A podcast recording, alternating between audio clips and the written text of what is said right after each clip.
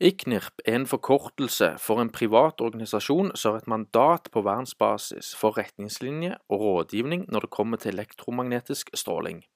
De har drøyt 50 land som praktiserer anbefalingene sine, som da skal beskytte mot uheldige konsekvenser av spesifikk ikke-ioniserende stråling. Og ikke-ioniserende stråling vil si lavfrekvent stråling fra strømnettet, f.eks. i hus, høyspentmaster, trafostasjoner etc., samt høyfrekvent stråling fra radiobølger og mikrobølger, eller sagt på en annen måte mobiltelefoner og basestasjoner, Wifi, smartprodukt, mikrobølgeovner og andre frekvensbaserte husholdningsartikler. IKNIRP de baserer sin forskning på selektive korttidsstudier, og erkjenner at skade på kroppen fra ikke-ioniserende stråling kan kun skje hvis frekvensene varmer opp cellene i kroppen med 1 grad eller mer altså en termisk effekt.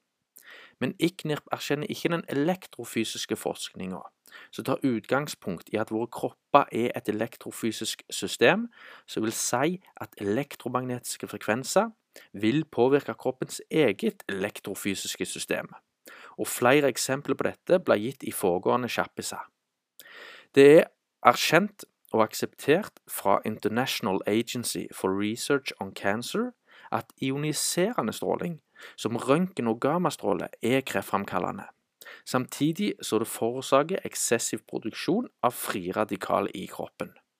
Dette er for så vidt ikke noe nytt, men på samme måte som ved ioniserende stråling vil òg ikke-ioniserende stråling òg forårsake økt konsentrasjon av frie radikaler i kroppen, som i all hovedsak er en av rotårsakene til sykdom.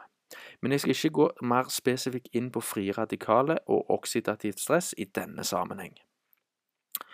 Andre negative helseparametere fra ikke-ioniserende stråling er kliniske funn som tretthet og utmattelse, nedsatt fertilitet, søvnproblematikk, hodepine, begrenset koagulering, DNA-skader, skade på cellemembran sånn at et toksisk avfallsprodukt ikke kommer ut av cellene, og begrensning av næring inn til cellene, med mer.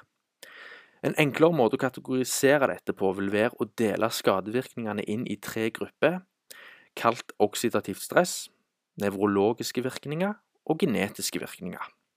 Og dette er alle helseparametere som det er en konstant drastisk økning på i samfunnet, og det kan trekkes parallelt med teknologiens utvikling.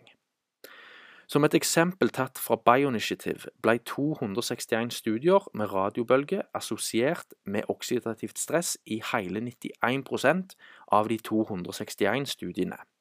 På samme måte så ble 263 studier med lavfrekvensstråling assosiert med oksidativt stress i 89% av studiene. Og dette er bare en liten smakebit på vitenskapelige studier, som jeg har tidligere nevnt. Så hva implikasjoner vil en bekreftelse på at kroppen faktisk er elektrofysisk bety for verden generelt? Enkelt sagt så vil det bety at vi må ta to steg tilbake for å kunne ta ett steg fram. Grenseverdiene som er satt i dag, vil måtte reduseres med flere tusen ganger, når det ikke bare er den termiske skadeeffekten som tas i betraktning. Det markedsføres med at endring og nytenkning er essensielt for utvikling, men på hva bekostning?